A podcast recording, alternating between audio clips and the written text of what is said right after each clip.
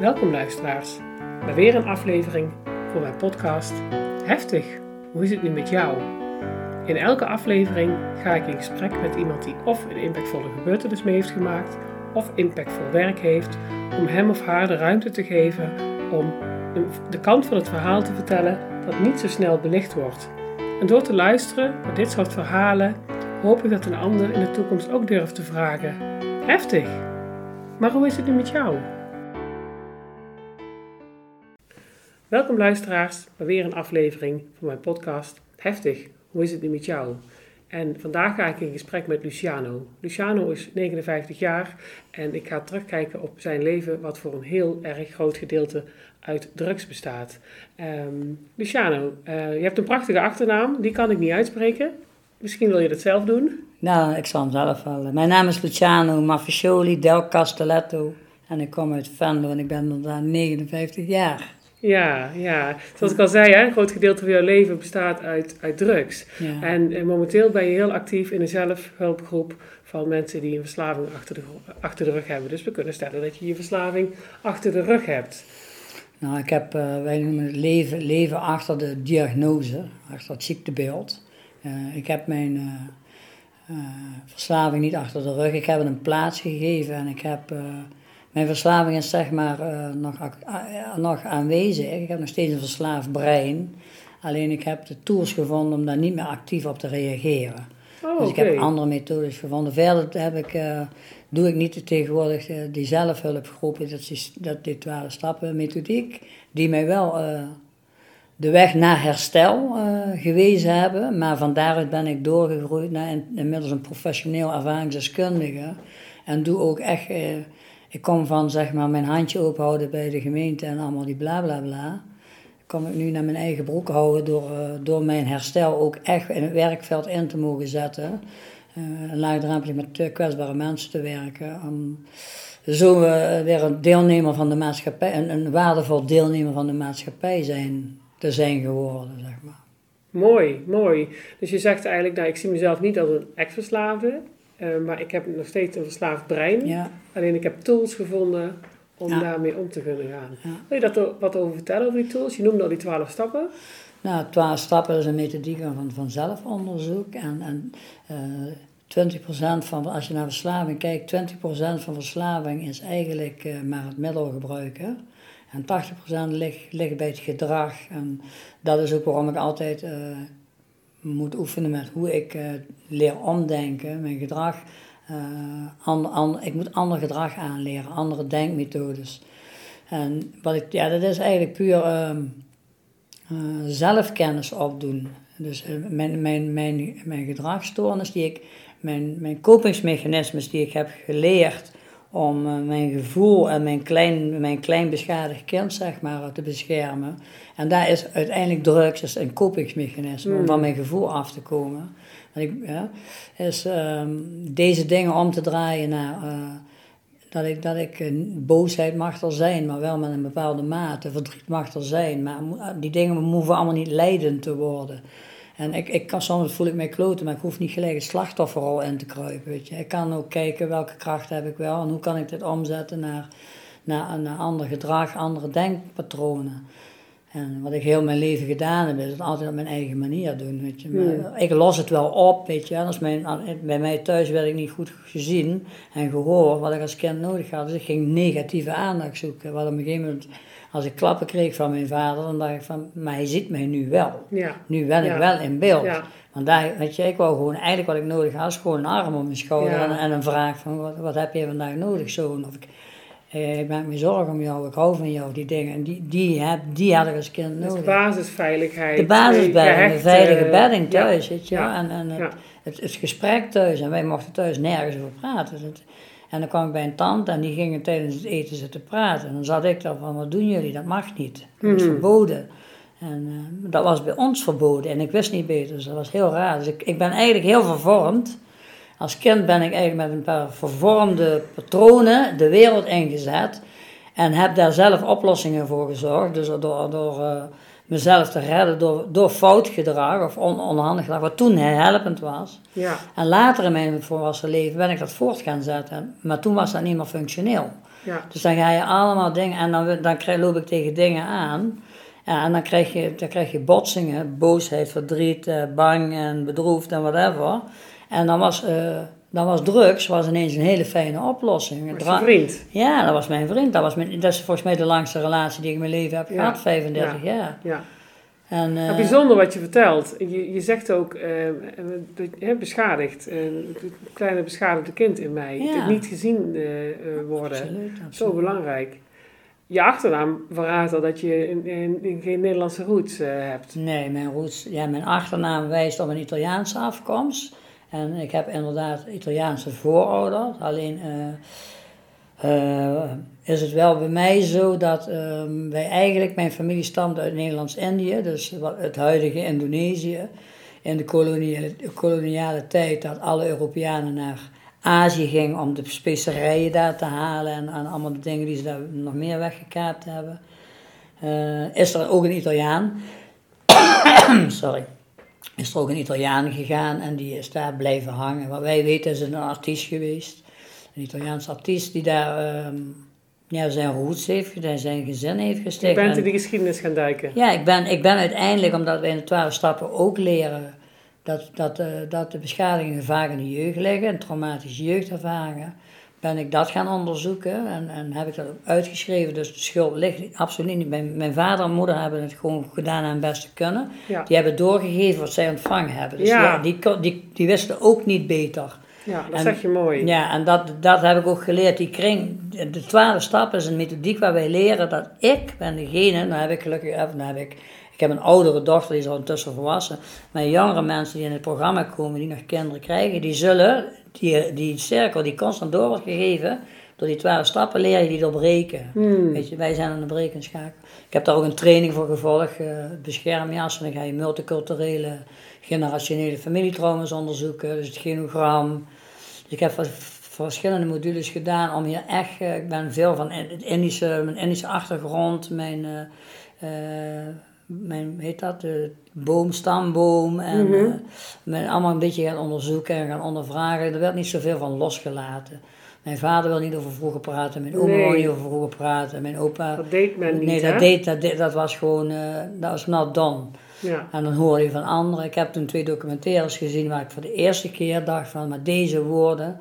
Dat was toen buitencampus en er zaten oudere Indische mensen die waren aan het vertellen. En het eerste wat ik dacht, maar deze woorden had ik van mijn oma willen horen. Ja. Weet je, waarom Ja. hoor ik dit van vreemde mensen? Ja. Maar je hoort eigenlijk, hoorde ik mijn oma praten, Ja. en mijn opa praten. ja, ik kende dat. Ja. En dan weet je ook gelijk, weet je, van... eh, Oké, dit is een deel van mij, weet je. Hier zit waarom ik bepaald gedrag genetisch in mij heb. Eh, Het familiepatroon, hoe we opgevoed zijn op, een, op Indische cultuur gebaseerd. Mhm. En, en dat was toch wel heel anders dan dat toen ik eindelijk na tien, na, toen ik tien was, kwam ik terug. Ik, tot tien jaar kon ik alleen Nederlands. Dus zeg maar, was altijd beschermd bij opa, oma, bij ooms of tantes. En ik leerde Nederlands praten.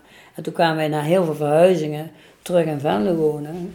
En toen kwam ik in een achterstandswijk te wonen. En daar leerde ik pas met mijn tien jaar dialect praten. Ja. En dat was niet het dialect wat eh, in, in de, de hogere kringen in Venlo werd gepraat, maar dat was gewoon lekker de straattaal. De Lekker, straattaal. lekker grof gebekt. Ja. En dus daar leerde ik ook mijn eerste maskers. En daar zag ik ook weer de gelijk de, de jongens die mij, die mij eh, opvingen in een soort groep.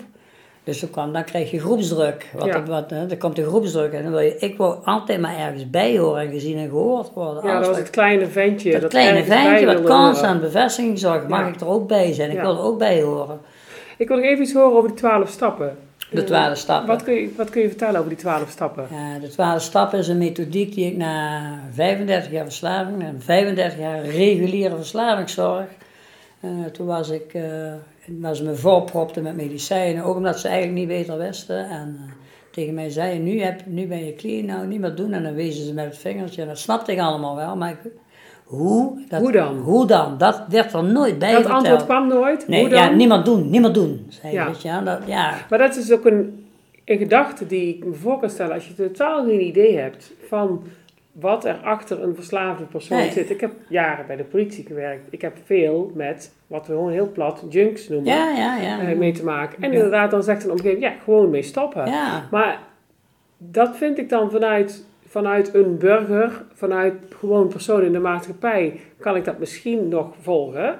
Omdat je geen idee hebt. Maar vanuit de verslavingszorg zou je toch iets anders verwachten. Ja, en ik ben er ook heel lang boos over geweest. En, en ze kreeg medicijnen, en ik kreeg meer medicijnen, je kreeg mensen slapen. Dat, weet je, dat, werd, dat was eigenlijk een beetje onderliggend. En dan werd er gezegd, als je dan terugviel weer, eh, ja, ben je nou zo'n zwakkeling? Weet je, ben gewoon, je hebt geen ruggengraat, allemaal deze termen. Nou, dat heeft uh, 35 jaar geduurd.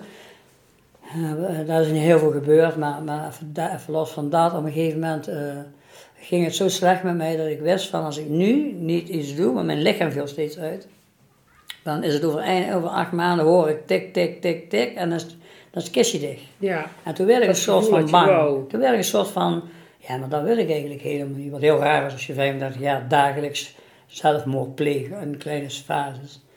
Maar toen ben ik uh, weer hulp gaan zoeken in 2014 en toen hebben ze me drie keer opgenomen in de reguliere zorg weer.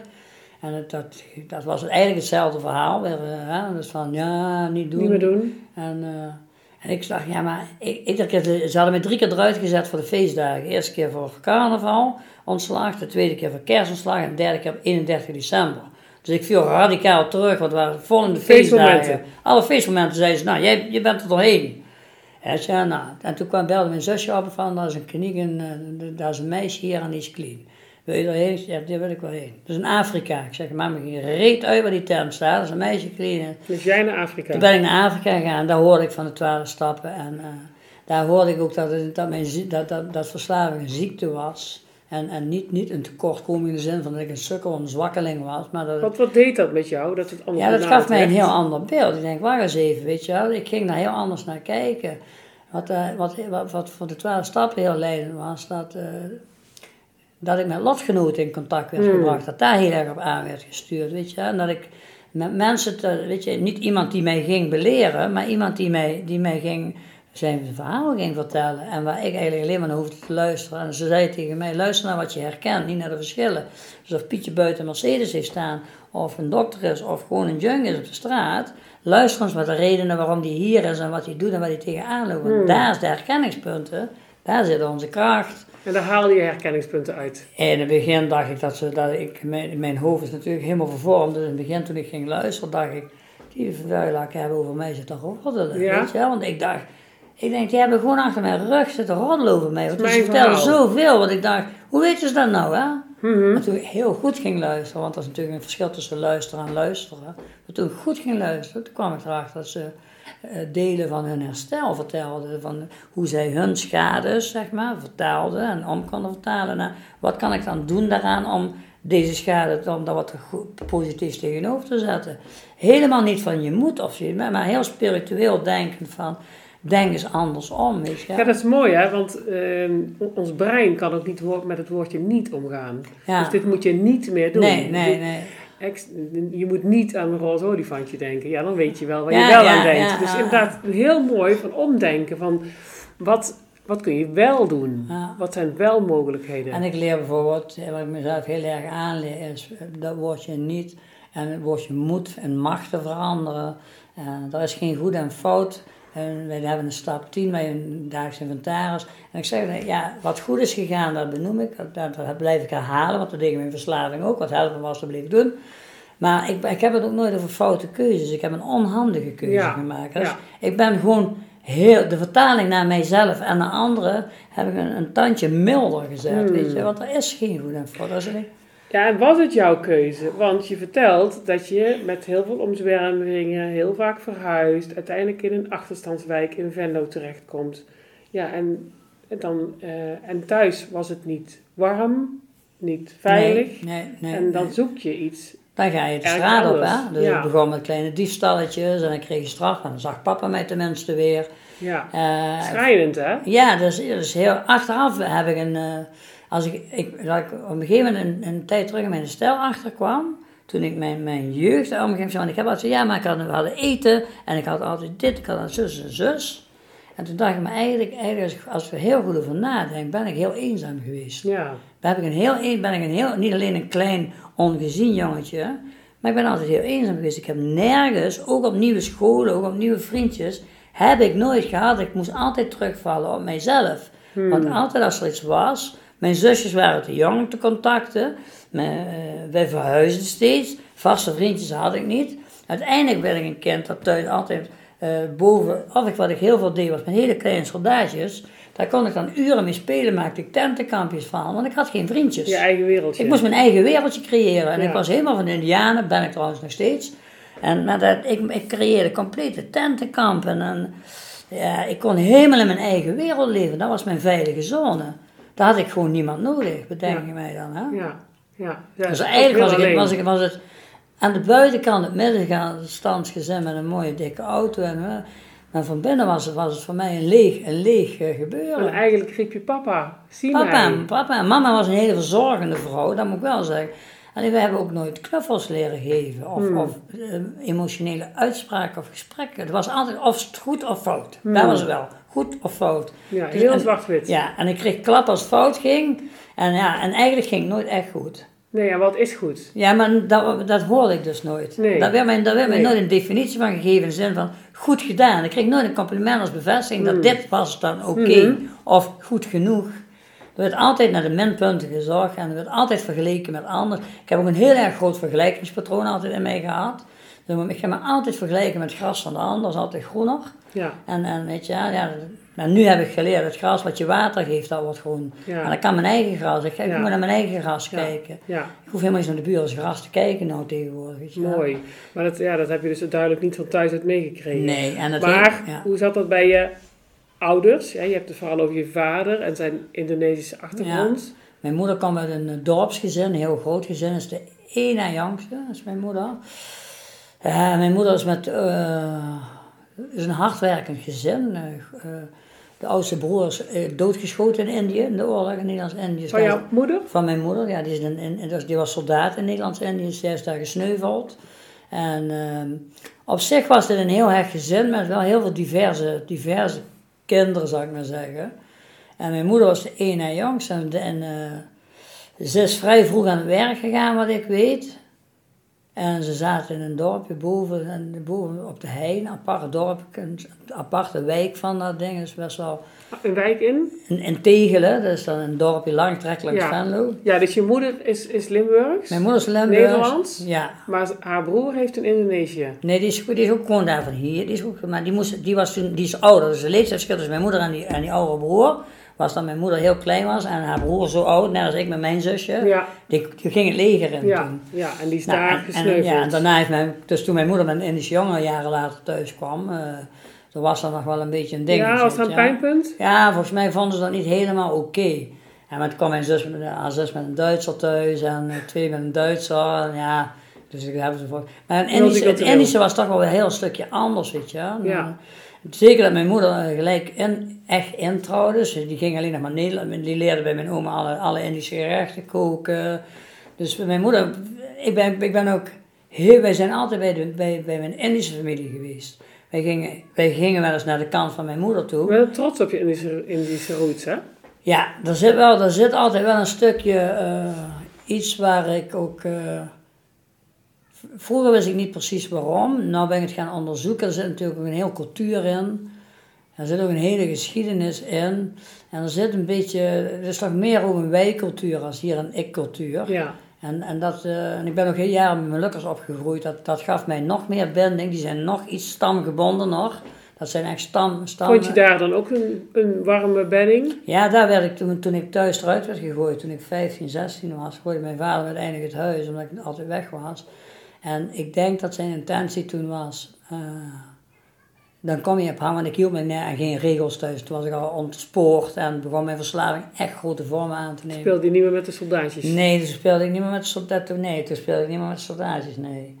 Toen was ik met andere dingen bezig. En eh, ik denk dat hij, dat zijn intentie was dat ik dan met hang uit het pootje terug zou komen. Van oké pap, ja, want ik sta op straat en ik, ik, ik ga nog wel luisteren. Alleen ik had een, een Molukse vriend en eh, daar was ik thuis gekomen. Daar kwam ik al op korte tijd thuis. En eh, ja, die hadden mij eigenlijk direct al in, in hun hart gesloten, zeg maar. En het gezin opgenomen, bij wijze van. En toen kwam ik daar en ja, ik kwam eigenlijk een beetje binnen van ja, ik weet niet wat ik moet doen, want mijn vader heeft me eruit gegooid Hmm. net. En toen zei een zus die net met haar vriend een huis had gekregen, die zei, Oh, we hebben een huis gekregen, we zetten het een bed neer. Je hebt je sleutel, we zetten een bed neer. Dus ik ben nooit dakloos geworden, wel uh, thuisloos Hmm. ben ik geweest. En dat heeft eigenlijk, die hebben dat met alle goede bedoelingen heel, heel met liefde gedaan. Ik heb er ook jaren gezeten en gewoond in, in die familie. Alleen wat er toen is gebeurd is dat eh, met die oudere broer ben ik heel veel op het pad gegaan om drugs te gaan gebruiken. Hmm. En eh, als zij dat niet hadden gedaan, dat klinkt heel stom, dan was ik misschien met de rug tegen de muur komen te staan, dan was ik misschien wel naar huis gelopen. Oké, dus daarmee zeg je eigenlijk, ik, ik, ik heb een plek gekregen, maar die plek was ook de plek van waaruit. Daar is ook weer wat ontstaan. Ja. Ik doe nou tegenwoordig, ik doe ook wel eens interventies met ouders. En dan leg ik hun ook uit, weet je. Het, het klinkt heel lullig wat ik nu ga zeggen, maar misschien moeten jullie hem gewoon eruit flikkeren. Maar jullie moeten wel één blok vormen. Want eigenlijk, doordat... Kijk, mijn moeder gaf mij eten op. Mijn moeder gaf mij eten. Ik stond onder bewindvoering. Ik kreeg 50 euro in de week. Ik had met de, met de buurtwinkel geregeld dat ik, dat ik daar een kredietje kon maken. Wat dan mijn vader liet betalen. Volgens liet mijn vader zeggen, ik had geen boodschappengeld. Dus ik kreeg één keer in twee weken kreeg ik 75 euro. Ging twee keer in de week, drie keer in de week bij mijn zusje eten. Bij mijn moeder eten. Dus ik wist overal geld te besparen. Deze allemaal liefde. Maar mijn verslaafd brein was eigenlijk zo en alles aan het regelen. Dat ik, dat ik overal mijn verzorging, alles wat ik zelf voor mezelf zou moeten doen, haalde ik bij anderen, zodat ik mijn gebruik kon bekostigen. Ja. Ja, en, als, en alles wat ik, wat ik, wat ik gespaard, pietje hier, tientje daar, eh, vijf euro daar, had ik uiteindelijk om mijn drugs en mijn drank te halen. Snap je? En als iemand jou een veilige bedding biedt, ja, waarom zou ik, als het nog niet pijn genoeg doet, waarom zou ik dan stoppen? Ja, ja, ja. Dan zeg je eigenlijk alles wat, wat je omgeving deed en jouw plek geven, voeding geven, dat spaarde jouw geld uit, waardoor jij jouw verslaving kon blijven ja. bekostigen. Of ja, zoiets. Want, want je zei, hè, de- de- heel jong is je, is, je, is je verslaving begonnen, hè? ja, met, met softdrugs, eh, met een keer alcohol van je ouders gekregen, Ja. had je het in ons voorgesprek over. En uiteindelijk heeft je verslaving een 30, nee, meer dan 30 jaar geduurd. 35 jaar. 35 jaar geduurd. Hoe kijk je terug op die 35 jaar? Dat is een enorme periode. Heb je dan dieptepunten, kantelpunten? Ja. We moeten in de twaalf stappen heel veel dingen uitschrijven, waaronder eh, mensen die we beschadigd hebben, situaties. Stap 4, de boosheid naar de, door mijn wroklijst naar de maatschappij, naar mensen, situaties. Eh, en, en, en dan moet ik heel eerlijk zijn, ik heb zoveel gebruikt. Ik ben, ik, ben eh, ik loop nu, en ik zal mijn hele leven tegen momenten aanlopen dat, dat dingen weer oppoppen. Oh ja, weet je, of mensen tegenkomen die ik heel niet gezien heb, waar ik dan als ik tegenkom denk, oh shit. Als iemand mij aanspreekt ergens waar ik kom en ik had de laatste keer, ik, oh ik ken je nog van vroeger. Dus mijn eerste schrik is, oké, wat heb ik je aangedaan? Ja? Ja, weet je, ik, kan mijn vrouw, ik ken je van vroeger en die had ik volgens mij zelf opgewacht ergens, weet ik wat. En dan, dan eh, ehm, om terug te komen op jouw vraag, dus, eh, wat, wat, als, ik, als ik terugkijk over die 35 jaar, wat ik mij, wat ik mij herinner, in, in, de, in de grove lijn, en dat is, dat is denk ik heel menselijk, zijn alle hoogtepunten en alle dieptepunten. Dus de extreme eh, heftige dingen, en maar ook de extreem mooie dingen. Mhm. En alles wat daartussenin is, dat is eigenlijk een beetje naar de achtergronden. En de, hoog, de, de ergste punten waarom dat het echt met dood, verderf of gevangenis of echt extreme dingen te maken had. En, en de allermooiste punten die hangen dan aan het romantiseren van Mhm. eh, eigenlijk een, een kutleven. Weet je, want, want ja, als je nagaat, ja, was er niet veel van. te een paar, ja, kijk, het heeft mij ook, verslaving ook hele leuke dingen met zich meegebracht. Ja, zoals? Zoals, ja, ja, we hebben geweldige feestjes gehad en geweldige dingen gedaan in het begin. Veel gelachen en zo, weet je. Ook saamhorigheid in de scene? Nou, saamhorigheid is zolang er drugs was, was het saamhorig. Als er drugs minder werd, dan werd het spannend. En als er drugs schaars werd, dan, had je er, dan werd het ruzie. Ja. En dat was niet alleen in de scene, dat was met mijn, met mijn, in mijn relatie ook. Weet je, want dat was op het laatst als... eh, ik, heb vijf, ik heb 30, 35 jaar met haar samen gewoond. We hebben een dochter nou, dan nu 38 jaar. En ze is nu drie, drie jaar dood. Drie jaar geleden ja, overleden. de moeder, hè? Ja, de Niet moeder. dochter, hè? Nee, mijn dochter die is gelukkig gezond. Ja. Maar de moeder is Die, ook, heeft daar ook haar beschadigingen van overgehouden van de verslaving. Heb je het daar samen wel eens over? Ja, zij weet hoe het programma werkt en, en ik met haar stap 9 doen, dus scha- aangerichte schades uitspreken. Ze, en zij heeft ook een vriend gehad en die, zat ook, die heb ik ook hoe het programma ingetrokken. Dus zij weet een beetje hoe de stappen werken en zij zegt dan, ja papa, ik heb dat allemaal al een plaats gegeven, ik heb daar nooit last van gehad. de waarheid is dat mijn dochter toen zij weg is gehaald naar school ging. En dat geeft aan dat haar hoofd, kinderhoofd, haar kinderbrein daar zelf ook een oplossing heeft gevonden, autodidactief. Uh, zij ging naar school, zij was dus bij uh, opa en oma woonde zij. Ja, want het is uit, Ja, bij jullie huis, weggehaald zij is uit huis geplaatst drugs. vanwege drugs. Toen En met ze ging naar anderhalf, opa en oma. met anderhalf Met jaar. anderhalf. Ja, met anderhalf zitten bij opa en oma. Twee jaar is bij opa en oma terechtgekomen. En die bracht haar op een gegeven moment naar de lagere school. En zij, zij werd dus op een gegeven moment afgehaald door opa en oma. En zij kwam erachter dat de rest van de kinderen, die werden afgehaald door papa en mama. Dat is niemand, zij is er pas met de negen achtergekomen dat wij een verslavingsprobleem hadden. Hmm. Dat is niemand die, daar, die verteld heeft waarom dat was. Wat er wel in haar kinderbrein is gebeurd, dat zij ineens uit zichzelf is begonnen met opa en oma pap en mam te noemen. Met, met, eh, met eh, eh, even de anekdote erbij, dat wij, ik en Nens, papa en mama waren. Dus ze heeft de verandering van opa en oma heeft ze de vertaling gemaakt. Ik maak daar pap en mam van. En dan wordt, blijft papa en mama, blijft papa en mama. Dus ze heeft daar heel, heel selectief over ergens in, in haar hoofd, heeft ze een oplossing gevonden om niet anders te zijn op school als de andere kinderen. Bij mij was dat ruzie maken, bij mij was een ander gedrag. Maar zij heeft wel zelf een constructie gevonden om daar, om daar een oplossing te Dus, Ja. dus het, heeft, heeft, het heeft wel degelijk iets met haar gedaan. Ja. Want ze is daarmee bezig geweest. Ze heeft daar gewoon een Ja. werkstuk van gemaakt. en Ze heeft daar een oplossing voor gevonden. En dat wil zeggen, dat is niet zomaar gekomen. Ze, dat, dat heeft in zijn brein is daar iets aan de slag gegaan. Dus, en dat is maar om een klein Mooi voorbeeld te noemen. Waardoor ik weet van, ja, je, van, je kunt wel zeggen dat heeft jou niks gedaan. Maar jij bent daar als klein kind mee aan de slag gegaan.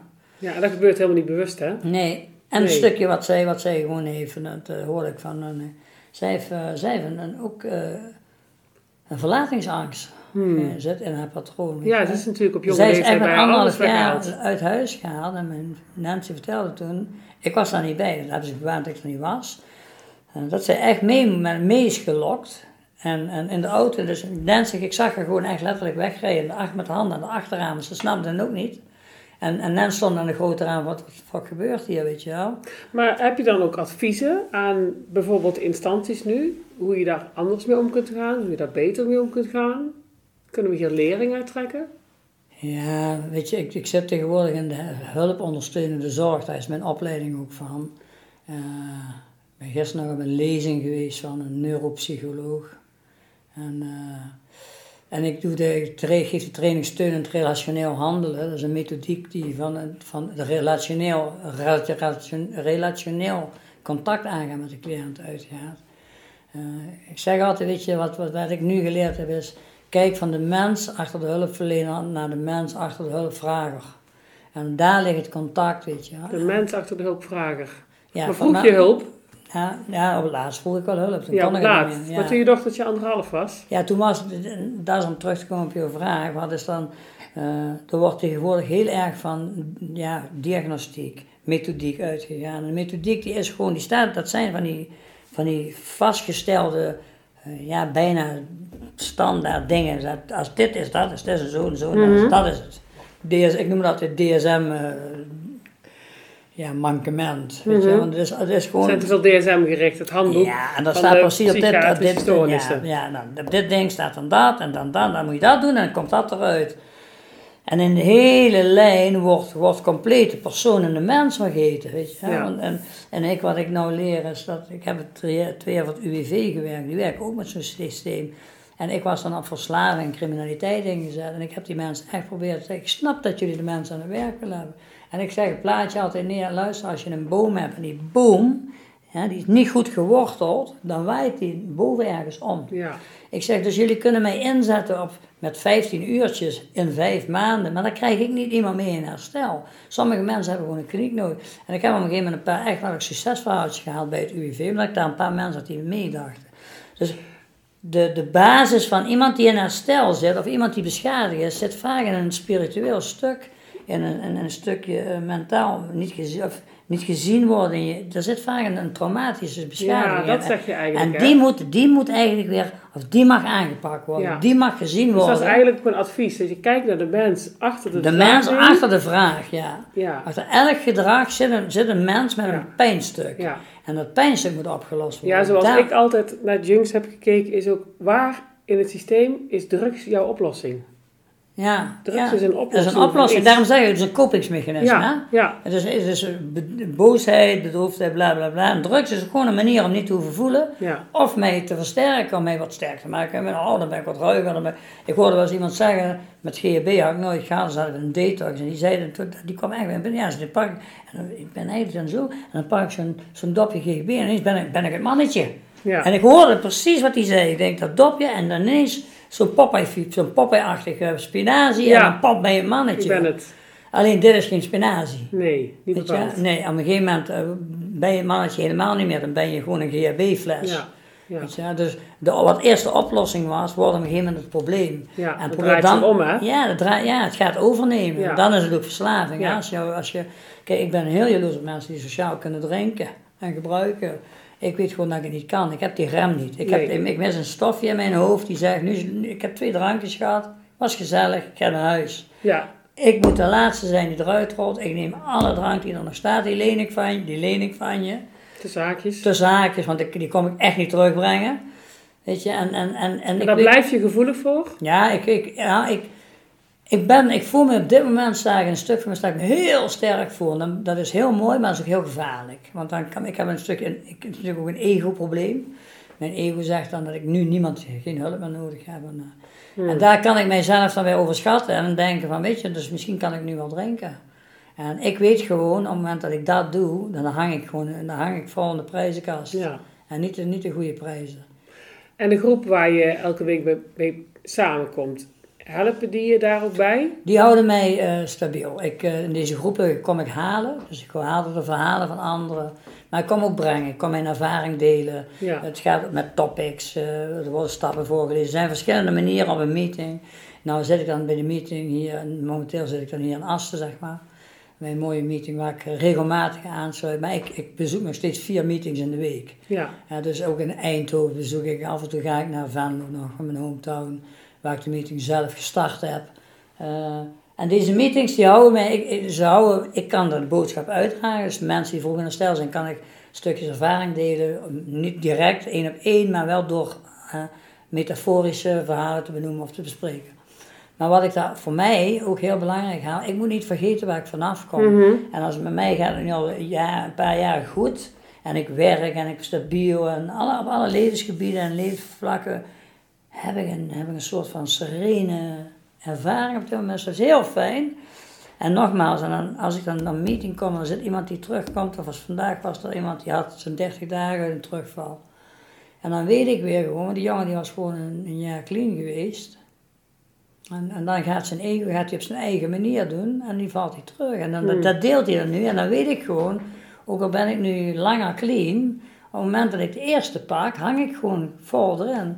En dan- deze verhalen moet ik ook horen. Hè? Ja. Mensen die, die, die beginnen, want die beginstruggles, eh, wij doen stap 1, machteloosheid tegen mijn verslaving en verslavingsgedrag. En ik ben ook na jaren, zeg ik nog steeds, als ik 's morgens op... De eerste waar ik dankbaar vind dat ik 's morgens wakker was, dat mijn ogen überhaupt open gaan. Want dat is allemaal helemaal niet vanzelfsprekend. En ten tweede weet ik gewoon dat ik machteloos ben.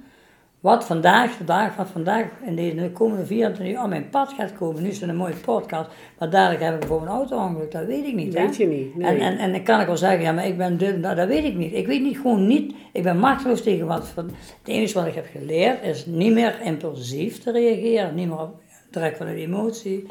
Eh, zo goed en kwaad Ja. als het kan. De eerste reactie is geen reactie, even een stapje terug, wat zie ik echt, wat gebeurt er echt, wat betekent dat? Als ik ga reageren, hoe ga ik dan reageren? Moet ik wel reageren? Want 80% van wat om me heen gebeurt, heb ik geleerd, heeft geen flikker met mij te maken. Alleen mijn ego wil overal over tussen zitten. ja. En, ja, hoe bedoel je dat?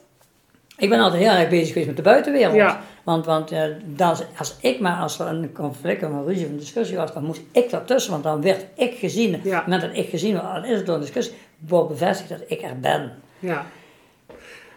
Je ouders leven nog, hè? Ja, Hoe, hoe kijken die terug op, Nee, ja. op jouw leven en op en hoe het nu met jou is? Ja, dat is een hele grappige vraag. Mijn vader, dat is natuurlijk altijd mijn pijnpunt geweest. Ik heb altijd Ja. die bevestiging gezegd. Mijn vader heb ik... eh, inmiddels, ik heb altijd wel een goed contact. Niet, nee, ik heb niet een goed contact. Ik heb altijd een heel apart contact met mijn vader gehad.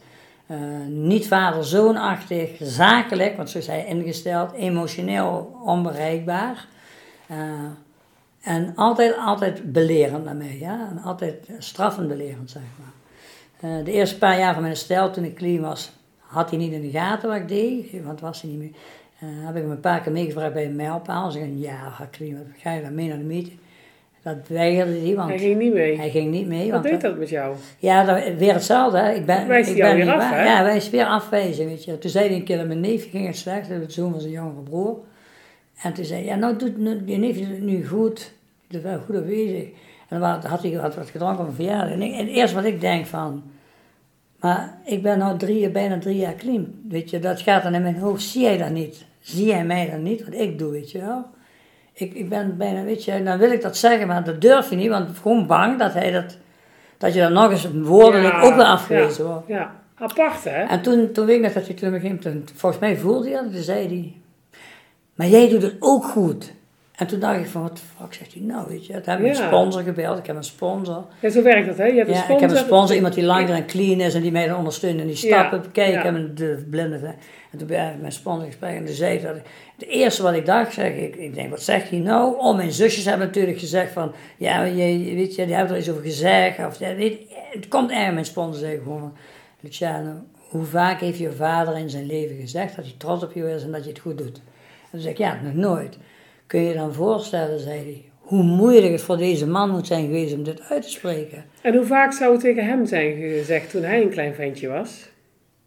Waarschijnlijk nooit. Nee. Nee. Moeten we leren hè? Ja, Moeten we echt leren Ja. in het leven. Hoe dit zijn echt dat? dingen, dat, dat is ook wat wij dus nu leren. Het, eh, het ontbreken van komt door het ontbreken van. Ja. Dat, weet je, het- hij kan niet geven wat hij nooit ontvangen Nee, heeft. nee. Ik, ik vergelijk het altijd met zo'n emmertje met water bij zo'n zeskamp. Als je Ja. aan, op, met een rijtje kinderen zat en je krijgt een leeg emmertje van je achterbuurvrouw. Ja. En dat moet je doorgeven aan, je, aan, je, aan, de voor, aan jou voor, degene die Ja, voor dan jou verlies zit. je altijd wat. Ja, en als er heel weinig in zit van wat je krijgt, kun je weinig doorgeven. Ja, ja. Ja, maar je kunt het ook anders doen. En dit is wat de twaalf stappen ons leren. Weet je, wat kan ik dan doen en wat mis ik en hoe ga ik dat, hoe ga ik mijn eh, ervaring door, weet je. En ik, een, mooie spreuk is, eh, die, die, ik- ik ben heel erg van de quotes. Wees de persoon die je zelf als kind nodig had. Ja, Voor jouw, voor jouw coachie, hè. Ik heb Ja. een coach die zegt, jij bent, jij bent mijn vader. Hij heeft gewoon een vader. Hij zegt, ja, maar jij bent mijn vader. ja. Ik, ik ga bij jou halen wat ik van mijn vader... En ik doe helemaal niks voor hem. Ik luister alleen naar hem. Mooi hè? En dan zegt hij dan van, ja, weet je, ik krijg zoveel van jou terug wat ik thuis mis. En dan denk ik, dan kan ik al zien wat, wat maar dan geef ik iets wat ik zelf misschien eens ontvangen Mm. heb. Dan, dat geeft voor mij aan dat ik aan het groeien ben als mens. Ja, Want ik doe dit gewoon als mens. Hè. Ik, niemand heeft mij dat verder geleerd om er, zeg maar, eh, in presentie te, in present te zijn voor de persoon waar ik mee in gesprek ben. Hè. ja. En dat zijn gewoon dingen die zijn, Mooi. die zijn allemaal niet vanzelfsprekend. Zeker niet voor mij, die zonder Nee. allemaal die dingen op is gegroeid. Maar mooi dat je van die, die jarenlange verslaving, het, het om hebt kunnen turnen, onder andere ja, door, door die twaalf stappen. De twaalf stappen. En dat je dat nu ook wekelijks in die- bij die meetings komt. En dat Ja. je daar ook weer wat, wat komt halen en wat komt brengen. En dat dat heel erg in balans is. En dan komt dit programma, het mooie van de twaalf stappen is, dat is in 1953 weet ik, ontstaan in Amerika. Oh, zo lang geleden al? Ja, dat bestaat al lang. En dus eh, eigenlijk, eigenlijk is het, het is ook ontstaan, de- deze methodiek is niet bedacht. Het is eigenlijk ontstaan doordat een, een alcoholist met een andere alcoholist, die een oorlogsdokterding was zoiets, eh, in contact kwamen. Just for Today, dat is ook 24 uur, is dat ze, omdat ze er toevallig achter kwamen, dat ze waren heel in gesprek. En zo intensief dat ze erachter kwamen dat ze 24 uur niet gedronken hadden, doordat zij in een gesprek waren. Ah, Toen kwam de kracht van het gesprek eigenlijk in beeld. Toen zijn ze gaan oefenen met 300 mensen destijds in de verslavingszorg in de 30 jaren die ten dode op waren geschreven. Ja, toen hadden ze vroeg aan de psychiater, mogen, mogen wij dit proberen bij? Ja, die, die hadden niks te verliezen, doe maar. nee, doe maar. En van die 300, mensen, of die 100 mensen geloof ik, van die 100 mensen die, eh, die eigenlijk, dus volgens, de, de- toen, de- toen dingen, ziekte, verslaving, alcoholisme was het dan, eigenlijk eh, binnen drie maanden allemaal dood zouden zijn, eh, zijn door die gesprekken zijn er 100 zijn, zijn allemaal over, hebben allemaal overleefd. En Jeetje. niemand kon daar de vinger op leggen. Niemand kon, niemand kon uitleggen dat dit niet kwam door een medicatie. Ook de psychiatrie kunnen, maar hoe kan dat nou? Weet je, wel? en dus dat het puur door, door mentale en, en, en c- communicatie en, en kwetsbaar opstellen kwam. En zo zijn is dat het programma eigenlijk door Bill W. en Dr. Bob heette ze, die Ja. hebben dat eigenlijk, Grondleggers? dat zijn de grondleggers daarvan geweest. En eh, die hebben er toen twaalf stappen opgeschreven. toen is het dan nog heel erg fout gegaan met dat, dat organisatie daar gelijk geld van gemaakt. Hebben ze twaalf tradities geschreven. Zo van, dit is iets, wij behouden wat we hebben door het weg te geven. Dat wil zeggen, ik, hier in de meetings doe ik alles, dat is allemaal eh, geven en delen onder lotgenoten. Ja, In mijn werkveld stap, deel ik deze dingen ook, alleen dan ben ik aangenomen als werk. ja.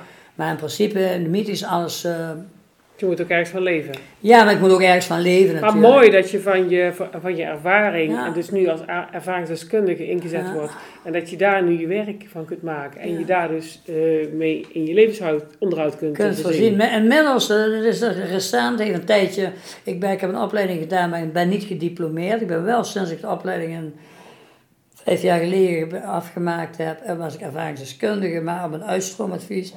Ik ben, ondanks dat ik niet gediplomeerd ben, dus niet verzekering, voor verzekeringen inzetbaar, ben ik altijd aan werk geweest. Ja. En dat is puur omdat mensen mij eh, eh, van toegevoegde waarde zagen en een manier vonden om dan toch mij te betalen. Alleen laagdrempelig. Toen ben ik op een gegeven moment heb ik een opleiding HBO life coaching gedaan.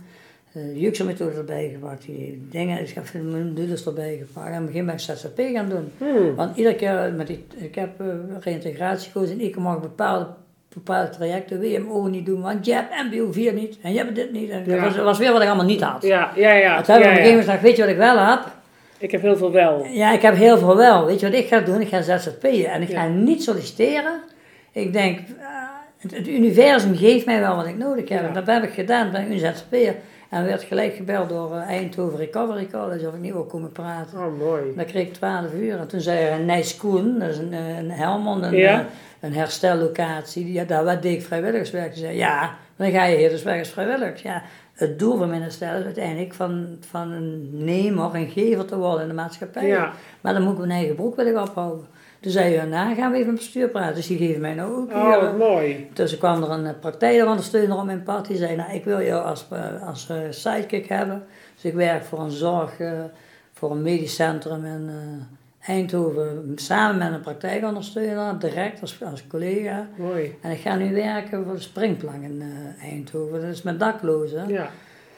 Ja, en, Mooi. Voor de rest geef ik de SH-methodiek aan de Fontes. Dus ik geef training Ja. aan de Fontes. Dus je leven staat nog steeds in het teken van drugs. Alleen Ja, dan op een andere ja, manier. En ik kan nog steeds manipulatief zijn en, en een beetje bedriegelijk zijn, maar dan, want, want alle, alle methodieken bedenk ik mij altijd van die ik, om mensen toch mijn zin door te drijven of toch een beetje te manipuleren, die kan ik ook op een positieve manier prikkelen. ik kan mensen ook positief prikkelen. hè. En uitdagen van dat durf je niet, dat moet je proberen. En ik zeg, nou, ga het maar eens aan, weet je. Hmm. Ik kan ook een, kan ook een positief doel eh, Hmm. een uitdaging maken. Dus die tools die, die kunnen ook wel helpend zijn in een positieve manier. Dus dat is Ja. wel grappig. Mooi. Ja, ik, ik gun het eh, heel veel eh, mensen die nu nog met een verslaving kampen, dat ze de weg naar jullie meetings weten te vinden. Ja. En ze zijn door heel Nederland, hè? Ze staan op na-holland.nl. Dat is de Narcotics Anonymous. En dan heb je de AA-holland.nl. De CA-holland.nl. Dus dat is eh, eh, Alcoholics Anonymous, Cocaine Anonymous. We hebben Alanon. Dat, eh Alanon is van naaste. Dus tussen is ook de Naranon. Dat is de NA-Aranon. Dus dat is van de, uit de NA is een andere stroming. Maar allemaal gebaseerd op de twaalf stappen Minnesota. Mooi. Dat is de basis geweest die uit Amerika komt. Die is in Nederland gekomen, de Jellinek en onder andere. En daar zijn de verschillende stromingen. In 53 is want AA was alleen alcohol, Ja. alcoholisten. En in 1953 is er met Jimmy Kay en die heeft gezegd, weet je, het, het, het klinkt alsof andere drugs dan een beetje buitenspel is. Laten wij de Narcotics Anonymous, eh hebben ze toestemming gevraagd netjes de AA. Is het goed dat wij de tradities van jullie overnemen? Dus schrijven dat anders. Bij de NA heb je ook een werkboek met vragen. Eh AA doet weer anders, het sponsorschap zeg maar, de begeleiding daarin, mentorschap, als je het zo wil noemen. Dus iedereen heeft daar zijn eigen, elke, elke meeting heeft een andere vorm, heeft een Ja. eigen, ik zeg altijd een eigen karaktertje, hè, een eigen, eh, ook een eh, sfeertje. En, eh, sommige meetings kom ik binnen, dan voel ik me gewoon echt niet fijn. Nee. En sommige dan kom ik zal binnen en niet denk ik, overal hier, wil ik blijven komen. Maar ik hoop wel veel mensen die nu met die verslaving kampen, dat ze de weg eh, weten te vinden. We zijn in elke grote stad en in heel veel dorpen zijn we te vinden. Nou, in heel zomer is er weer geopend. Elk, elk dorp wat een beetje wat een inhoud heeft, heeft eh, tegenwoordig ook wel ergens een meeting in de buurt. Mooi, mooi. Dus eh, de- wij, zijn, wij zijn te vinden hebben. Ja. Dus daarmee zeg je eigenlijk ook van, kom onze kant op, want Ja. we kunnen er voor jou zijn. En je hoeft Mooi. niks, het is, het is puur gebaseerd op de- lotgenotencontact. Ja, ja. In de breedste zin? In de breedste zin, bij ons zijn, kijk, ik ben een professional nu, ik ben een professioneel ervaringsdeskundig coach. Maar als ik daar binnenkom, ben ik Luciano, ik ben verslaafd. Dan Ja. gaat die pet gaat af en dan stel ik mij kwetsbaar op. Want daar mag ik, daar mag ik, daar, daar is de veiligheid om, om die kleine Luciano te laten zien, weet je. Daar hoef ik, die hoef ik niet die voorbeeld, daar ben ik de voorbeeldfunctie van een, een lotgenoot. En niet vanuit mijn positie als, als, als professional of dingen. Nee.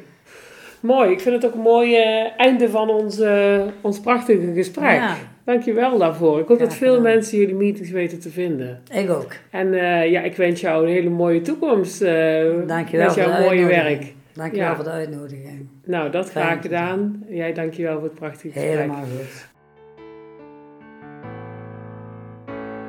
Dankjewel voor het luisteren naar mijn podcast. Ik vind het super leuk om te horen wat jullie ervan hebben gevonden. Dus daar mag je me altijd een appje of een mailtje over sturen.